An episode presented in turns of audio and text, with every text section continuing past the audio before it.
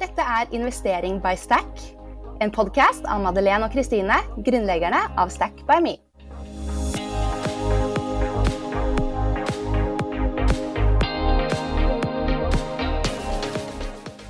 Denne episoden er sponset av ETF-forvalteren Xtrackers og favorittregnskapssystemet vårt 247 Office. Hallo og velkommen til Investering by Stack, podkasten hvor vi snakker om business, penger og investering.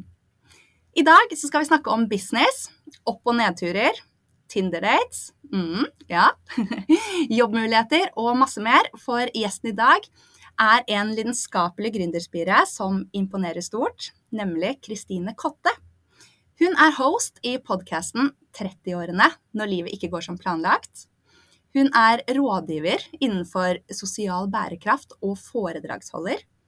Hun har jobbet i CERN og i Equality Check. Masse, masse gøy. Velkommen hit, Kristine. Tusen takk. For en introduksjon. og ja, altså jeg føler det er jo veldig mye man kunne si i dag, men det viktigste Kristine med K og Kristine med C her i dag. Yes. yes. Yo! ah, nei da. Men Kristine uh, med K eh, Kan ikke du begynne med å fortelle kjapt uh, hvem du er med dine egne ord, da? Jo, det skal jeg gjøre. Det er, det, jeg syns egentlig du oppsummerte det veldig godt. Men uh, jeg har jo egentlig bakgrunn i PR og kommunikasjon, så jeg har jo jobbet i næringslivet med markedsføring innen forskjellige bransjer. Og hovedsakelig og litt tilfeldig så har det blitt mannsdominerte bransjer. Jeg har også vært i Forsvaret og så ganske tidlig at det er Eller forskjellene da, på hvordan uh, kvinner og menn er sammen, og hvordan, uh, altså hvordan dette påvirker kultur i næringslivet. Da. Så, uh, så det gjorde at jeg i 2018 bestemte meg for å ta en mastergrad i kjønnsstudier. Og det var litt sånn der du, du startet, egentlig, da. Ja. ja, det, er veldig, det er veldig kult. For da dro du til Skottland. Og mm. spesialiserte deg i maskuline og feminine egenskaper innenfor ledelse og bedriftskultur. Ja. Og jeg bare syns det er så sykt uh, spennende hvor uh, Og liksom hvorfor er det viktig å være bevisst på dette, og hva går det egentlig ut på? Ja. Grunnen til at jeg begynte å se på maskuline og feminine egenskaper, var fordi at eh, jeg lurte på hvorfor det tok så lang tid å få flere kvinner inn i senior lederposisjon. Fordi vi har jo allerede noen, så hva er det som kjennetegner dem? Men òg hvorfor tar det så lang tid å få opp andelen? For nå har vi jobbet så lenge med liksom, de strukturelle endringene, da, sånn som f.eks. lønn og foreldrepermisjon og work-life balance og alle de tingene som arbeidsgivere kan tilrettelegge for. Mm. Men jeg tror Unnskyld. Jeg tror veldig mye gjenstår på det kulturelle. Altså hvilke beslutninger Hva er det som egentlig betyr noe når det til syvende og sist skal tas en beslutning? Og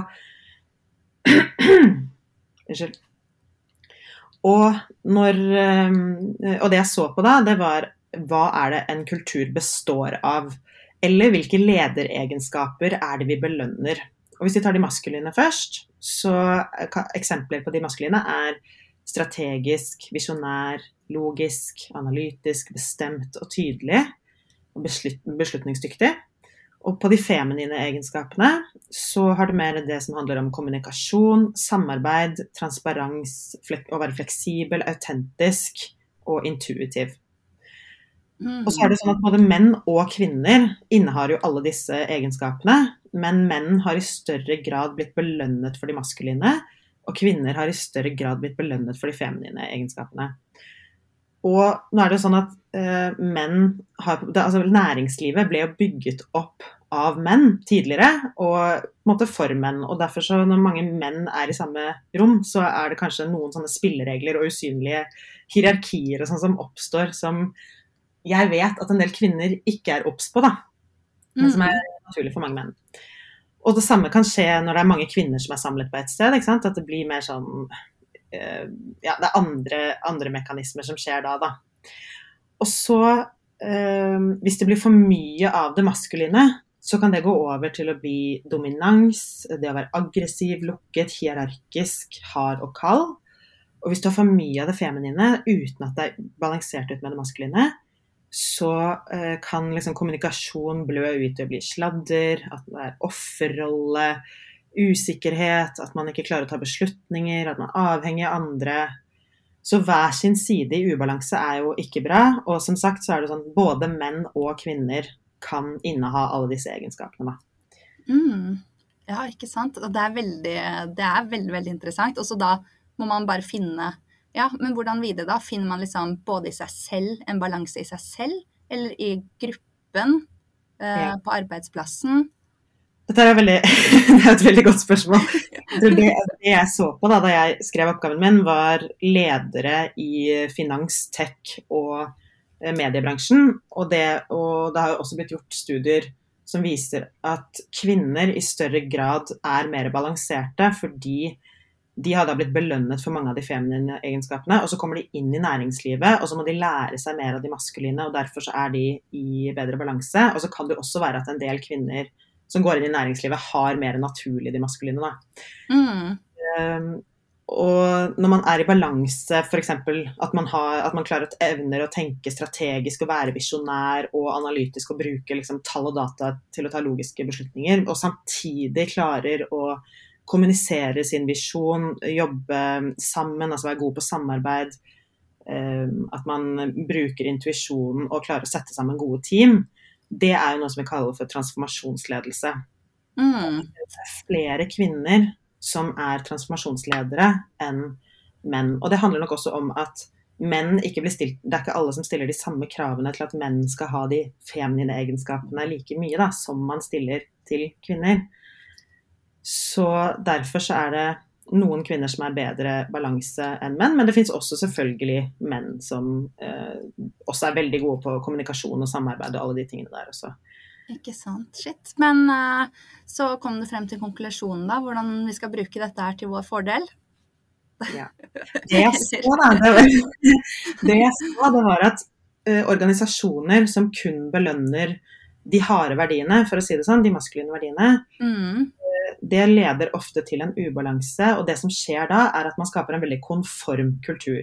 Sånn at hvis alle skal kun eh, Hvis alle blir belønnet for de samme egenskapene, så hjelper det ikke å eh, eh, rekruttere masse mangfold, f.eks., eller prøve å få opp kvinneandelen. Eller, ja, eller prøve med innovasjon, eller regne med at hvis man bare ansetter litt mer mangfold, så blir det mer innovasjon. Fordi du belønner jo kun de som tilpasser seg, og en konform kultur. Så Mm. At, og det skjer veldig ofte i det maskuline fordi uh, det er det som er det tradisjonelle. Da.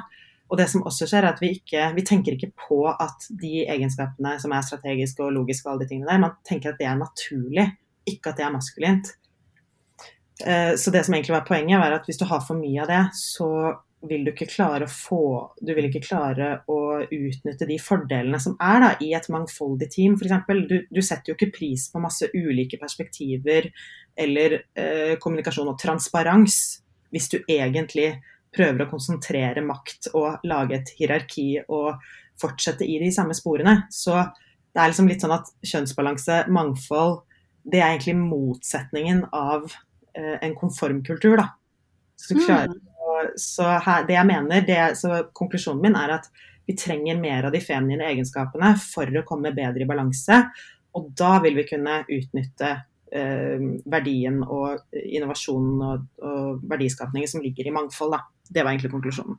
Ja, ikke sant. Så dette her er jo noe du har hatt med deg nå eh, helt fra tidlig i din karriere, og bare Mm. vært bevisst på. Eh, det er sikkert en kjempefordel å ha med seg, og ikke minst liksom klare å definere hvorfor det ofte er sånn som det er. Og ja, eh, Nei, det er veldig, det er veldig kult. Men eh, OK. uh, fordi du gikk jo også videre for Du har jobbet i CERN. Det er helt sykt. Det er kjempekult. Med, med det samme, ikke sant? Ja, Diversity og in inclusion. ja. Ja. Jeg, eh, rett etter at jeg var i Skottland, så fikk jeg jobb eh, i Sveits, på CERN.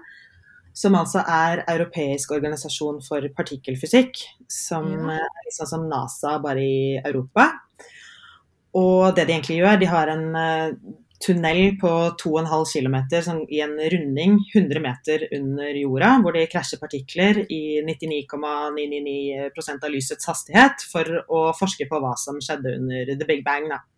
Mm.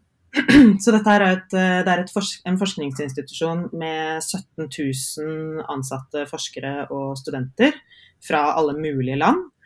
Så det er jo et utrolig spennende sted å Altså, det, være. sånn, det er bare så sykt kult. Jeg blir starstruck av å kjenne deg, jeg. og Kristine Kotte som uh, tipper rundt der og gjør eh, sin magic. Ja. Så det som var litt spennende for meg, var jo at eh, for det første så kom jeg etter masteren min og skulle nå jobbe 100% med det som jeg brenner for, og jeg skulle jobbe da med Jeg jobbet som diversity and inclusion analyst og syntes det var superspennende. Eh, og det kanskje det største resultatet vi fikk til, da, det var en kampanje som heter 25 by 25, og det var en strategi for å øke kvinneandelen på Cern fra eh, ca. 20% til 25% innen 2025. Da. Og det, jeg var der i 2020.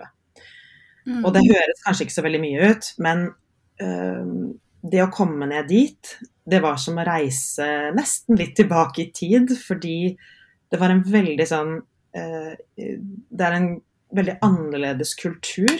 Og det som var så gøy, var at det ble jo på en måte et sånt Nå fikk jeg en live case av det jeg akkurat hadde studert. Fordi eh, vi skulle prøve å få gjennom den strategien for å faktisk måle eh, kvinneandel, for den har stått stille da, i sikkert 40 år. 20 Mm. totalt, ca. 10% i STEM-fag, altså Science, Technology, Engineering og Mathematics. Og i den viktigste avdelingen på CERN, som er liksom den core physics-avdelingen, så er det 6% kvinner. Oi, så lite. Ja, og det var en helt annen holdning til kjønnsbalanse der enn det jeg var vant til fra Norge, hvor vi snakker om det som om det er en selvfølge. Mm. Eh, ikke at vi har kommet helt dit ennå, men vi snakker i hvert fall Det er ikke så Det er ikke provoserende lenger å snakke om det så mye, da. Eller i noen miljøer er det fortsatt det, men, men sånn allment så er det helt greit å snakke om. Mm. Så da fikk jeg på en måte se hvordan f.eks. en veldig veldig sterk prestisjekultur er, til hinder for mangfold, f.eks. Eller hvordan de hadde en verdi som var liksom excellence. Alt man skal gjøre i forskning handler om excellence, og da blir det sånn det blir så skyhøye krav at alt som ikke handler om å levere, betyr ingenting. Så det å snakke om kjønnsbalanse i et sånn type prestisjemiljø, det blir sånn det, er, det blir ikke godt mottatt. Det blir liksom bare en Det blir bare å sette stikke kjepper i hjulene. Eh, Jeg så hvordan det ble en veldig hierarkisk kultur, også fordi det var så utrolig stor konkurranse om både kontrakter og om forskningsprosjekter. og så selv om det er veldig mye bra og utrolig mye kult på CERN, så var det også noen sånne deler av organisasjonen som jeg fikk se mens jeg jobbet med det kjønnsbalanseprosjektet. Da. Og det tok halvannet år å få det strategisk forankret i toppledelsen. Ja, shit. Å, herregud, så utrolig kult å være med på det. Shit. Nå er det gøy! eh, ja, det kan jeg tenke meg. Veldig, veldig gøy. Men eh, ok, herregud, vi bare hopper jo rett ned i eh, de dype temaene her. Jeg lovet Tinder-dates og opp- og nedturer og masse greier. La oss Det er jo mer enn Har du mer juicy å by på, eller? Nei da. Men fordi eh, la oss også snakke litt om podkasten din. Ja. Den har jeg hørt eh, masse på i det siste, og er så eh, elsker å høre på den. Eh, og det som er, for vi spør veldig ofte gjestene på den her om hva de drømmer om når det gjelder økonomisk fremtid. Og dette syns jeg er veldig relevant nå, for i podkasten din så sier du at du befinner deg på et sted i livet hvor alt skulle ha vært på stell, med liksom familie, jobb, hus, bil, økonomisk stabilitet. Og så bare ble det ikke helt sånn, sier du. så jeg tenker nå, hva er ståa, hva, hva er drømmen? ja. Eh, Det er jo viktig å si at jeg holder den podkasten sammen med Anniken Flinder, da, at vi to snakker om de, den tematikken der. For jeg tror at Ja. eh, du er sånn 20-årene, der surrer bare alle rundt og lurer på hva de skal drive med, og studere litt her og reise litt der, og eh, det er litt sånn happy go lucky alt sammen. Mm. Og derfor så hadde jeg liksom hele tiden tenkt at ja, ja, men når man er i 30-årene, når jeg ser for meg en person som er i 30-årene, da har de jo på en måte Da er det mye mer A4-livet. Da er det eh, barn og familie og hamsterhjulet og stress og tidsklemma og alt det der, på en måte. Ja. Og liksom, da har et hus og bil og alt mulig rart. Da. Så har jeg tatt noen valg underveis, da. Som Jeg har jo vært mye i utlandet, f.eks. Jeg har jo ikke bodd i Oslo nesten på ti år. Og plutselig Og det, det har jo vært fordi jeg har fulgt egentlig drømmen min og jobbet med den tematikken som jeg akkurat har snakket om. Og så plutselig så sitter jeg da tilbake i Oslo, selvfølgelig også etter pandemien, da. Og er litt sånn men nå har jo jeg kjempelyst på barn. Nå har jo jeg kjempelyst på kjæreste. Nå, jeg, nå er jeg klar for det, liksom. Og da, uh, så, og, da og, nå sitter jeg Og så hadde handlet det også om karrieren min. At jeg har liksom sett for meg at uh, ok, jeg skal begynne en jobb når jeg er uh, ung, og så skal jeg bare jobbe meg oppover, og så kommer jeg til å ha en eller annen lederrolle, jeg kommer til å ha en kul jobb. Og så har, jeg, så har, det liksom ikke blitt helt sånn heller. Og næringslivet var noe helt annet enn det jeg trodde. Det var liksom helt andre spilleregler, det var helt andre jeg vet ikke, Det var liksom noe helt annet enn det jeg hadde sett for meg. Mm. Ja. Shit, jeg tror det er mange som kan eh, kjenne, veldig mange kan kjenne seg igjen i dette her. Ja, så var det alt det der med datingen. For jeg følte det også i 20-årene var det bare sånn Det var gøy, og det var liksom noe man bare Jeg vet ikke, jeg tok det ikke så veldig seriøst da, kanskje. da, Og så har jeg hatt noen kjærester opp igjennom og hatt det bra med det, liksom. Men, øh, men det har kanskje ikke vært helt sånn at jeg har funnet den personen som er min person. Da. Og så har jeg bodd ett år i utlandet her, to år i utlandet der. Uh, sånn at jeg har egentlig alltid tenkt på det som litt sånn midlertidig. Mm. Ja. Og så når jeg kommer hit nå, så har det, da tenkte jeg sånn ja, ja, men det er jo litt som i 20-årene, man bare drar på byen, og så møter man noe, og så har man det gøy og sånn. Men det gjør man ikke, for nå har jo alle fått seg kjæreste, og alle bor et eller annet sted og har uh, wow. Så nå er det plutselig noe helt annet, da. Og det er, uh, det er jo egentlig litt sånn sår tematikk i, i, utgangspunktet, men det er derfor det var så befriende å møte Anniken, og at vi kan le litt av situasjonen, at vi sitter i det sammen. Og jeg er 32, Anniken har akkurat fylt 36, og bare de fire årene der har ganske stor Altså det også har mye å si, liksom. Ja, ja. men er hun singel òg? Hun er også singel. Ja. Mm. hun har en liten kul Audi kabriolet og sånn, altså hun har ordna seg, liksom. ja, ikke sant. Det er hun bil. Men uh, ja, nei, shit. Men uh, ja, nå blir det jo liksom litt mer sånn se, Føles seriøst. Men det trenger jo ikke å Ja, nei, det trenger jo virkelig ikke være det. Nei. Uh, jeg er helt sikker på at disse målene dine, det, det kommer for deg òg. Du har akkurat blitt 30, jo. ja. ja, det, altså, det, det, kommer, det, kommer, helt sikkert. Men jeg bare trodde det skulle være mye lettere. Jeg trodde, ja. skulle, jeg trodde jeg skulle være på et annet sted. Og jeg trodde Ja. ja, jeg vet. Det samme her, egentlig. Skulle... Men hvor er, du, hvor er, du, i livet, da? Eller hvor, og hvor gammel er du? Jeg er 36. Nei, ja. fader. Jeg har akkurat blitt 37. eh, men ja, nei, jeg, jeg, er jo litt i det livet som, som du, eh, sånn som du beskriver, da. Hamsterhjulet. Mm. Har eh, barn, hus, to biler. ja. Det er bare skikkelig satt. Ja, det er eh, deilig. Jo, vet du hva, det er, faktisk, det er faktisk det. Jeg føler faktisk at uh, livet bare blir bedre og bedre for hvert eneste år. Ja. Så, um, så, jeg er veldig fornøyd, faktisk. Men, det, det, er veldig godt å høre. Det er skikkelig fint å høre. Ja. Men uh, ja, jeg tenker jo liksom også bare at uh, ja, min, min viktigste mitt viktigste fokus oppi det her føler jeg også bare være sånn ta liksom virkelig vare på meg selv da, og bare gjøre min greie på jobb. Uh, møte mine venninner, sette av me-time. Mm. Uh, det er veldig viktig for meg, da, for jeg er veldig glad i å bare leve et veldig behagelig liv. Uh, gjøre alt.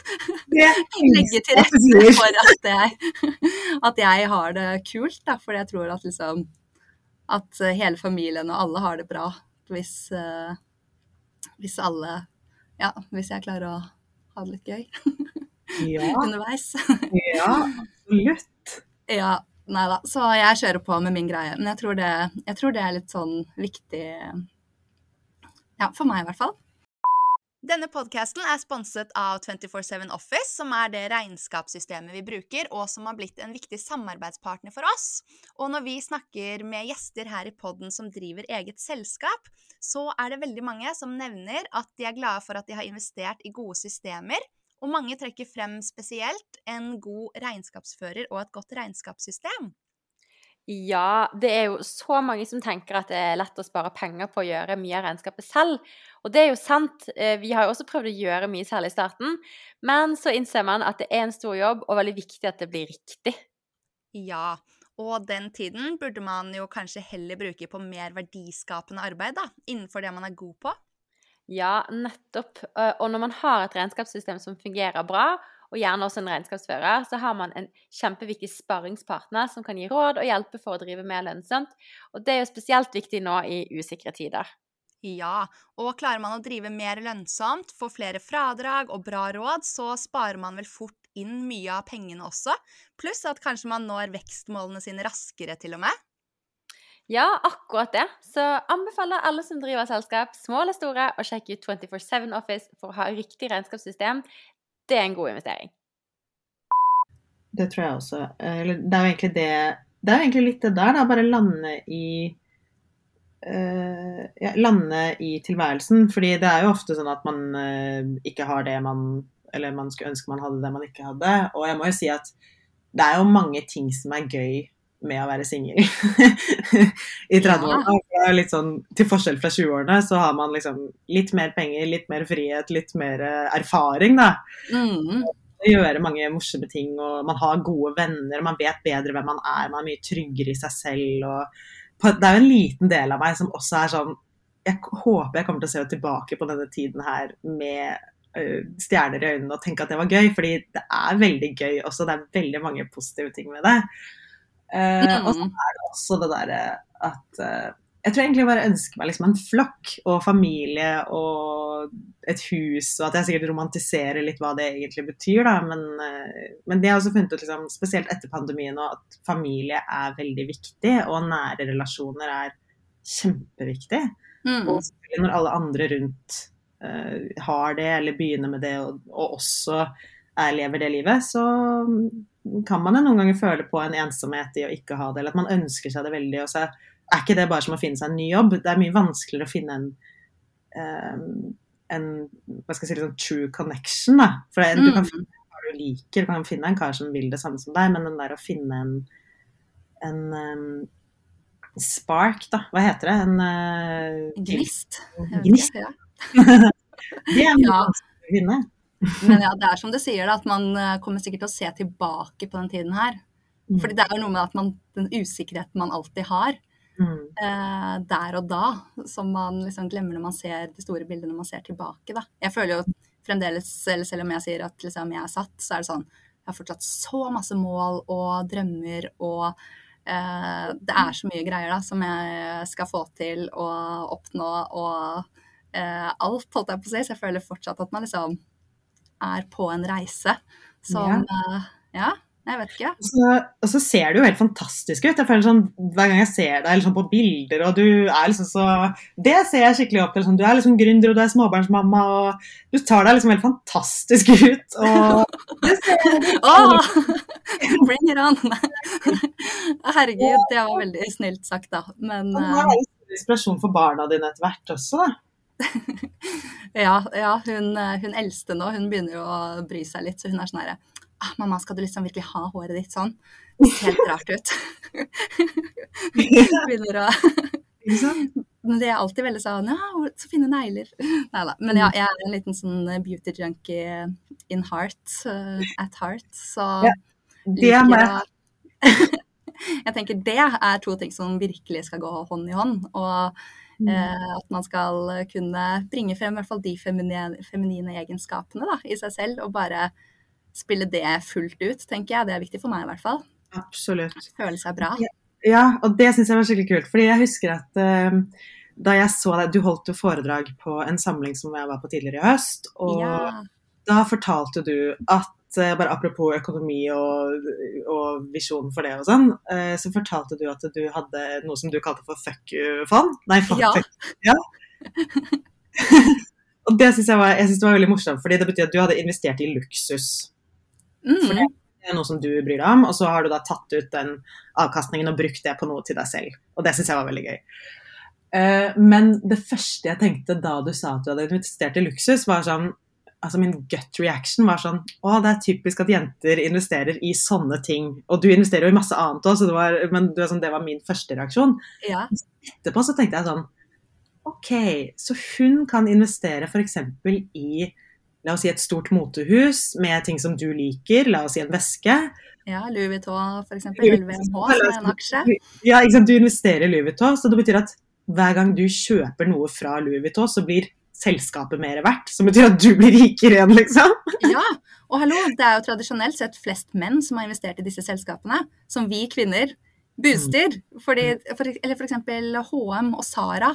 Mm. Uh, det er jo aksjer, ikke sant? Uh, det er jo veldig gøy å tenke bare sånn uh, Ja, liker man Går man som oftest til HM eller til Sara? Okay. Mm. eller begge deler. Kjøper litt av begge. Men jeg syns det er veldig gøy, gøy å tenke sånn også, da, fordi at man har et forhold til det. Eller f.eks. Eh, maten man har i kjøleskapet. Liksom alt er jo eh, Alt er jo aksjer, ikke sant? Mm. Så Det her, det her inspirerte meg veldig, både hele den derre eh, både det der at du var så uh, unapologetic about å, å investere i luksus fordi du elsker det, og det ser man jo på hele deg, liksom. Uh, jeg er glad i fine ting. Men at du liksom, du har gjort det, da, så eier du litt av det. Og jeg bare følte at det var så utrolig sånn godt bilde på at mm, når man investerer, så er du også med på å eie eh, verden, liksom. Du er med på der du plasserer peng pengene dine. Det er jo det som vil vokse fremover, på en måte. mhm. Flere kvinner investerer, bl.a. gjennom deres app, og måten dere har gjort det på i appen deres, har virkelig vært så eh, inspirerende, og det har vært så enkelt å begynne med det. Da. Så dere har gjort, i mine øyne har dere gjort alt riktig for å tilrettelegge for at eh, kvinner skal investere mer og forstå mer av hva dette egentlig dreier seg om. Og det bare, jeg kan ikke få sagt det nok hvor viktig det er at vi også plasserer pengene våre i det som vi vil at skal, det skal bli mer av i verden. Mm. Ja, jeg vet det. Åh, gud, jeg er helt enig. Det er sånn, og det ser man jo nå, fordi eh, det er bare sånn kjempetrend med masse flere kvinner som begynner å investere nå. Masse flere unge, så det er det jo alltid. Eh, Det kommer liksom nye generasjoner til. Og spesielt de yngre generasjonene er jo super opptatt av miljø eh, og politikk og på en måte bærekraft og dette her. Ja. Og nå i år, for første gang, så har det krysset sånn at det nå investeres mer innenfor bærekraft enn f.eks. innenfor fos fossil energi. Så det er jo et skifte. Eh, Det er jo lang vei å gå sånn sett, og man kan jo ikke så klart kutte ut eh, fossil energi eh, akkurat nå, men det er bare at liksom, når man får flere krefter inn, og Mm. som da det er, selv om alle kanskje stiller med liksom, noen tusenlapper her og der, så er det så mye krefter når alt det samler seg, da. Det Mm. er, det er jo tross alt uh, makten. Ja. Så, Absolutt. Så det er veldig kult å være med. Det er jo den stemmen, sterkeste stemmen man har. Mm. Så ja. Og i hvert fall når man da går rundt og shopper, da. Så, eller ja. Og Loreal og liksom Det er så mye gøy man kan være med å eie, da. Eh, med produkter som man har veldig god kunnskap om. For man må jo ikke sette seg inn i Telekom og oljebransjen og liksom sånne ting. Hvis man For det er jo det veldig mange tenker sånn Å, Telenor er jo en aksje, Equinor er en aksje. Mm. Men det er, så, det er så mye gøy, da. Men OK. Eh, fordi eh, det er veldig gøy at du ble litt eh, eh, Jeg husker at du stilte også noen spørsmål eh, ved det foredraget som jeg holdt. Jeg følte at jeg så sånn spark i øyet ditt. Ja, det stemmer. Eh, fordi det som Hvis vi kan snakke litt om din investeringsreise, da. Mm. Fordi da gikk det bare noen uker, og så startet jo vi, fordi vi har gjort nå en emisjon, eh, at vi har eh, tatt inn flere investorer inn i Stack, i selskapet vårt. Og Mm. da var jo du en av de, som, de, en av de første som bare hoppet på og ville være med på dette her. Mm. Og det er jo kjempekult. Mm. Er det eh, første gang du har investert i et eh, startup, tidligfaseselskap? Ja, på den måten der så er det første gangen jeg har gjort det. Og det var helt, det var, for meg var det der en no-brainer, fordi jeg så hva det hadde gjort med meg, og jeg skjønner potensialet i selskapet deres. Og så er det også fordi jeg tror på dere som personer, da. Uh, og så har jeg vært medeier i uh, Altså jeg eier jo mitt eget AS, da. Det er jo ikke akkurat det samme, men jeg har, jeg har jo selvfølgelig aksjene der. Og så har jeg vært mm. medeier i et uh, selskap som jeg jobbet i for noen år siden, som ble til slutt kjøpt opp av NHST, altså de som eier um, Dagens Næringsliv i dag. Da. Ja. Så jeg har uh, Og så hadde jeg vel noen opsjoner og noe greier i Quality Check, men der uh, Men det ble ikke Der er jeg ikke, der er jeg ikke eier, da. Mm, ja, ikke sant. Så du har, uh, du har litt Du har gjort en, bit, en liten exit òg? um, nei, det ble ikke helt uh, sånn, men jeg var med der en stund, og så uh, solgte ut derfra, da. Ja, ikke sant. Ja. Men, Men, uh, nei, veldig, ja, men det er veldig gøy uh, at uh, Jeg elsker at uh, akkurat sånne ambassadører som deg, da er det jo ja, elsker å ha med oss på laget som eiere av Stack. Så dette blir så bra. Men du sa også her om dagen at du hadde gjort dine første investeringer i fond. ja. Og hva på en måte var det som Var det liksom nå, Stack, rett og slett, som gjorde at du følte at det var tid, tiden for det nå? Det var fordi jeg ble invitert til denne podkasten her, så visste jeg at nå må jeg Nei da. Nei. Nå må alle inn og følge Kristine på Stack-appen. Få deg opp på topplisten her. det, jeg kunne ikke, kunne ikke la være da. Nei, det var, det var fordi at uh, Det er jo egentlig bare tull. Jeg har jo tenkt på dette her i flere år. Mm. Er, uh, jeg har også opprettet en aksjesparekonto som det har stått penger på uten at jeg har gjort noe med det. Fordi jeg bare syns det har vært så stor bøyg å i det hele tatt bare gå inn på de andre plattformene og hva betyr alle de tingene, og jeg aner jo egentlig ikke hva jeg driver med. Og det er sånn, ja, ja, jeg har jo skjønt at liksom noe indeksfond og noe greier er trygt og sånn, men jeg bare syns det, så, jeg bare syns det liksom har vært så uinspirerende. Jeg syns det har vært vanskelig å ikke visst helt hvem. Og så har jeg spurt en venninne her og der, og så, så det er jo på en måte, det er jo bare min egen feil. Jeg hører jo også at det er jo Men det handler også litt om interesse, da. Uh, men det var det som Jeg føler at dere snakker et helt annet språk som treffer meg mye mer. Og, som, og dere er også veldig opptatt av, det liker jeg med måten dere formidler det på, dere er opptatt av å snakke om risiko og langsiktige investeringer.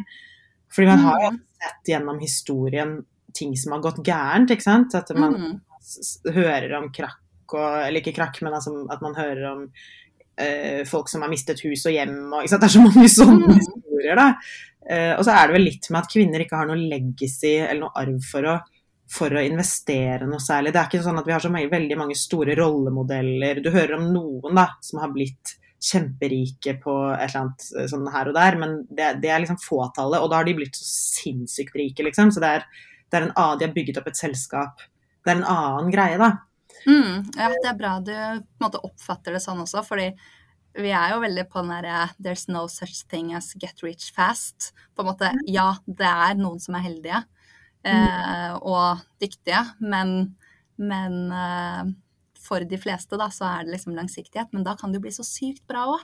Ja, ja. Eh, hvis man bare kommer i gang tidlig og bare investerer eh, ja, investerer godt, da, så kommer rentes renteeffektene etter hvert og bare booster så sinnssykt. Ja. Det er jo ganske gøy.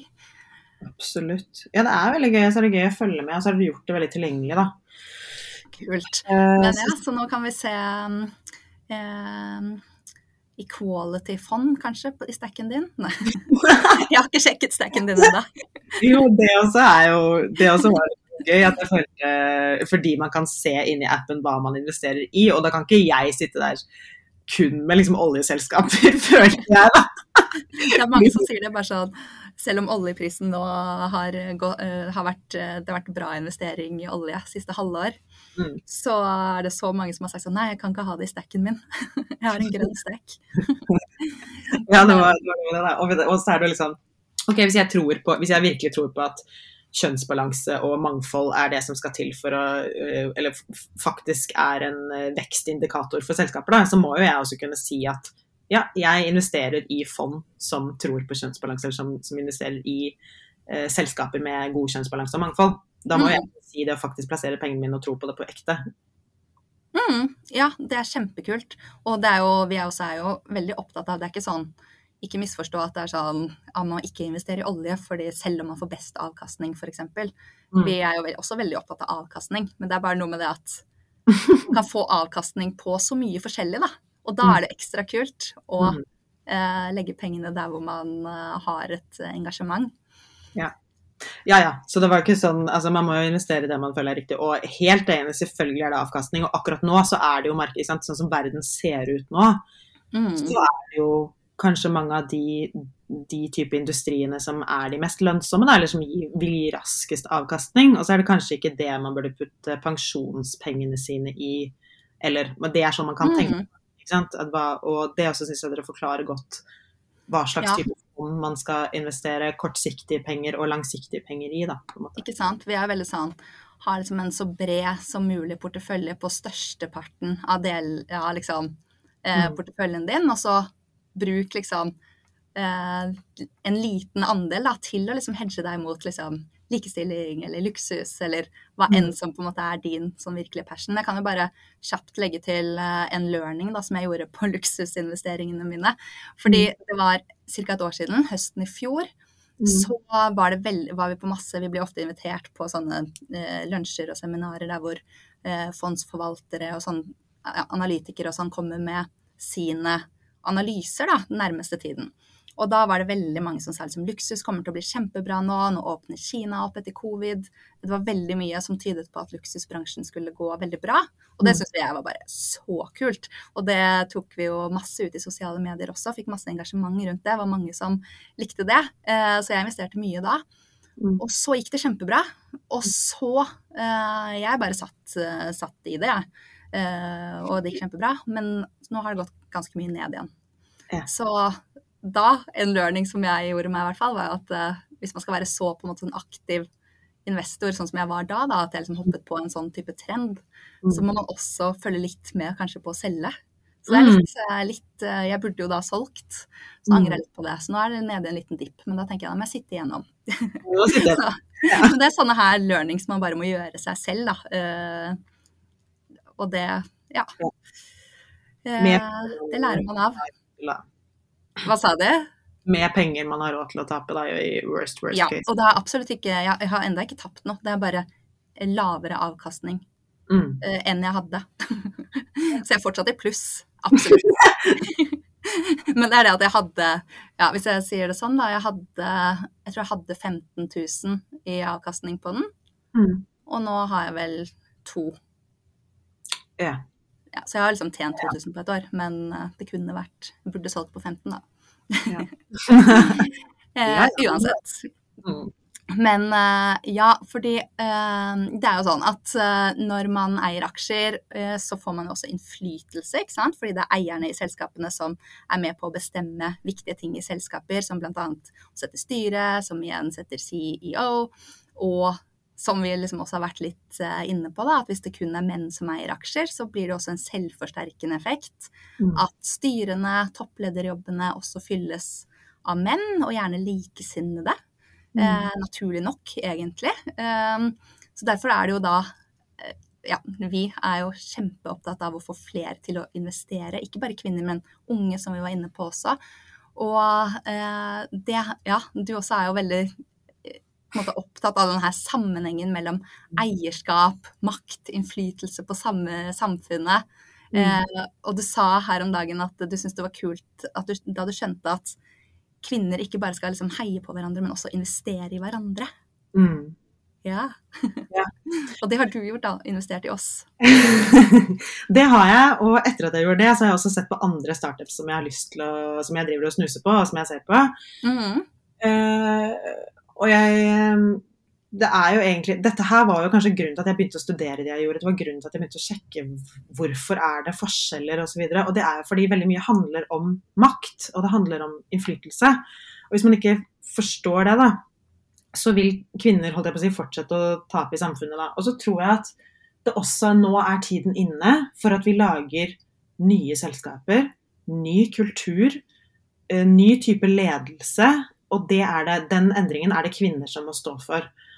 Og eh, jeg ble faktisk altså Etter denne Stack-emisjonen og har fulgt med på det dere gjør, og etter hvert liksom begynt å følge med både på folkefinans, men også på andre selskaper som jeg kjenner, og kvinner som jeg kjenner, så kjenner jeg at det, okay, det jeg har lyst til å gjøre, er å bygge kapital i mitt selskap for å kunne investere i startups senere, fordi jeg ser at det er Jeg har til og med sittet i rom hvor kvinner har pitchet til investorer som bare har vært menn, hvor jeg ser hvor hardt de må jobbe for å overbevise eh, altså de må, jeg, Dette kan være Jeg er jo kvinne selv, så det kan det være at jeg føler på noe som ikke stemmer. Men, men jeg har sett at de har blitt møtt på en måte hvor de må liksom bevise seg dobbelt så hardt. da hvor jeg føler at andre, eh, f.eks. menn, har kunnet sitte i et rom og forklare ting, og så blir de på en måte heid på de, de blir, altså, eh, Investorene investerer i potensialet, mens kvinner må bevise i større grad hva de faktisk Eller hva de skal levere, på en måte. Og så, Mm. og mener jeg sånn, Det har sittet kjempedyktige gründere. De har allerede blitt lønnsomme. De har allerede bevist sin posisjon i markedet. Og likevel så blir de møtt med en større skepsis enn selskaper med bare menn som har, eh, blitt, eh, som har blitt møtt med mer sånn Vi tror på deg. Fordi, og det tror jeg eh, handler om at de kjenner seg igjen, da. Akkurat som jeg kan kjenne meg igjen i noen gründerselskaper hvor jeg er sånn Jeg skjønner greia, dette er bra. Altså sånn at man, man investerer i potensialet da, fordi man kjenner seg igjen i det. Mm. Så, eh, og Derfor så trenger vi også flere vi trenger flere kvinnelige investorer. Vi trenger, og så tror jeg det sitter egentlig en del kvinner rundt omkring som etter hvert har bygget seg opp kapital, men de tenker ikke på å investere i startups. Mm. Og, og det er ikke sånn at alle skal investere i startups, men jeg føler at nå er tiden inne for at vi skal bygge en kultur hvor både kvinner starter egne selskaper på egne premisser, med egen kultur og ledelse, og at vi også da trenger et, nett av, et nettverk av investorer. Ja, oh, cheers to that. Vi, eh, og for å bare si det òg. Vi har også har noen sånne eh, kvinnelige støttespillere som har investert i oss. Mm. Som bikker oss over eh, til å nå de målene vi trenger. Eh, som har eh, ja, virkelig utgjort en forskjell for oss. Da. Og vi har også merket det selv, at eh, som startup, da, sånn, sånn alle eh, funder startups i starten, er jo via nettverk. Ja. Og man snakker med liksom, folk man kjenner som har penger, eller tilgang til penger, eller ikke engang så mye penger, men at man backer hverandre. Mm. Og vi, eh, Madeleine og jeg, har jo også fått masse i starten liksom sånne eh, kommentarer på at bare sånn Hæ, skal du virkelig liksom spørre meg om å få penger? Og så er det sånn Ja. Mm. Det er sånn, det er sånn eh, det, det funker. Og uh, det er ikke sånn, jeg spør ikke om å få, få penger. Uh, du, jeg spør om du liksom vil omtrent at jeg skal jobbe for deg. ikke sant? Mm. Eie selskapet, Være med å eie selskapet mitt. og Man kan jo få en kjempeoppside på dette her, men det er en sånn risk, da. Eh, som vi også har vært, fått, fått veldig merke liksom, på den, at det er ikke så kultur for å bare stikke, gå til venninner og bare slenge over noen hundre tusen. Men eh, det er også min drøm, virkelig, som du sier, å bare eh, ja, være med og bygge dette her. Og én ting da, som var veldig kult, som jeg hørte på en konferanse med Eirik Nordmann for et par uker siden, han sa det at eh, en studie viser nå at barn mellom fem og ti år der er det 80% av disse barna kommer til å ende opp i jobber som ikke er oppfunnet ennå. Mm. Og det er veldig kult, fordi det er liksom sånn Det betyr at man Det er virkelig timingen. Det er, det er nå, da. Man kan gjøre alt dette som du sier. Man kan bygge selskaper. Eh, vi vet ikke eh, hvor ungdommen skal jobbe, på en måte, om eh, 20 år. Så Ja, det er kjempespennende. Og så er det også viktig å si at selvfølgelig skal vi jo ha med menn på dette her også. Og jeg tror også det kommer til, men jeg tror også det kommer til å endre seg en kultur når man først har sett de suksessfulle kvinnestartupene, holdt jeg på å si, når de lykkes, da. mm, Uh, og det er jo uh, det er mange menn som er med på den reisen her også, og som Men jeg tror at de har en større tradisjon for å både holdt jeg på å si, sparepenger og tenke på penger. Og det har også vært mye mer status for menn i samfunnet å jobbe med investeringer og være investorer og være rik og vise det. Det er ikke Mm. noe status for kvinner enda. Så det er litt sånn, ok, hvordan kan vi bygge en mm, positiv kultur rundt det, da? Og det er da jeg mener at jeg tror man trenger en høyere mening med hva man skal gjøre med pengene, eller hvorfor man skal være rik. For det merker jeg for min del at jeg, altså, jeg elsker fine ting, liksom. Jeg vil gjerne ha et stort hus, jeg vil gjerne ha uh, masse fine ting i livet mitt. Men det som egentlig til syvende og sist betyr noe for meg for at jeg står opp om morgenen, er å gjøre noe meningsfylt. Og det å kunne plassere pengene og bygge andre gode og få selskaper opp og stå og endre verden på den måten, det er meningsfylt. Det er Mm. Å bygge kapital for, da. Mm. Ja, virkelig. Det samme her. Det, det, å, det er så, jeg syns det er så kult ja, å være investor og kunne si sånn Jeg kjøpte vesken på avkastning og ja, did it myself, liksom. Ja, Eh, Men hallo, ja, vi kunne jo virkelig snakket en evighet, og vi må dessverre runde av. Men på slutten av hver episode så pleier vi å komme med en oppfordring til deg som lytter. Mens jeg tenkte du Kristine, som har mye på hjertet, kanskje du har et budskap i dag som du har lyst til å få ut, formidle? ja. Jeg, når det kommer til disse tingene her, da, så har, har det jo egentlig eh, jeg, Det er ikke så lenge siden jeg nesten ikke turte å drømme om å bli investor eller noen sånne ting. Jeg tenkte at det ikke var for meg i det hele tatt. Men det å tørre å si hva man ønsker seg høyt, det Mm. har, det har faktisk for meg vært helt magisk. For det å være helt ærlig med deg selv og sånn Hva er det jeg egentlig ønsker meg? Og så, når man først har gjort det, så etter det så begynner jo ting å poppe opp. Det er som om det liksom bare dukker opp ideer og mennesker og ting og tang. og jeg ser nå, eh, jeg hadde egentlig aldri noen plan om å starte for meg selv. Det var ikke det jeg skulle da jeg sluttet i Quality Check tidligere i år. Eh, det på en måte bare ble sånn. Og i, underveis i dette løpet her så begynte denne podkasten som jeg følte kanskje var det, det er det første gangen jeg har gjort noe bare fordi det var gøy. Og Anniken og jeg har hatt så mange gode ringvirkninger av den podkasten. Og nå, er det, nå har vi kommet i kontakt med en produsent som også har lyst til å lage YouTube-kanal av den. Og fordi jeg nå har satset for meg selv, så merker jeg at eh, de som har lyst til å jobbe med meg, er andre kvinnelige gründere. Og så plutselig så kommer Stack opp i, i min atmosfære, holdt jeg på å si. Så jeg, tør, jeg følte liksom at hvis man bare er ærlig med seg selv om drømmen sin og tør å si det høyt, så noen ganger så bare dukker det liksom små ting opp da, underveis. Ja. Når man først har begynt den reisen, for det er ikke bare oppturer, det er også nedturer, så tror jeg det er viktig å ikke sammenligne seg med andre. Min reise er, ser ikke lik ut som noen andres reise. Så det å stå i det og være seg selv og være tro mot seg selv, det tror jeg er viktig. Mm. Å, shit, ja, det var skikkelig fine ord. Helt, uh, helt enig. Uh, ja, la oss uh, avslutte med den. det blir veldig gøy å følge deg videre. Du er helt, helt rå. Tusen takk for alle delinger, alle perspektiver. Ja, kjempe, kjempefint å snakke med deg. Takk for at du ville podde med oss. Takk i like måte. Gleder meg til å Yeah. Ha det! Ha det.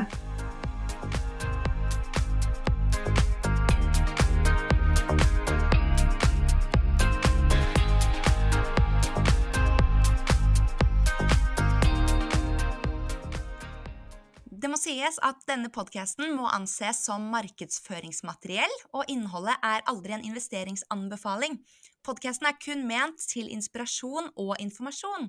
Så innholdet i podkasten bygger på offentlige, tilgjengelige kilder som Stack anser som pålitelige, men vi kan ikke gi noen garanti for nøyaktighet og fullstendighet bak dette. Så Stack by me tar ikke ansvar for eventuelle tap som dere lyttere kan møte dersom dere bruker informasjonen som blir gitt i denne podkasten.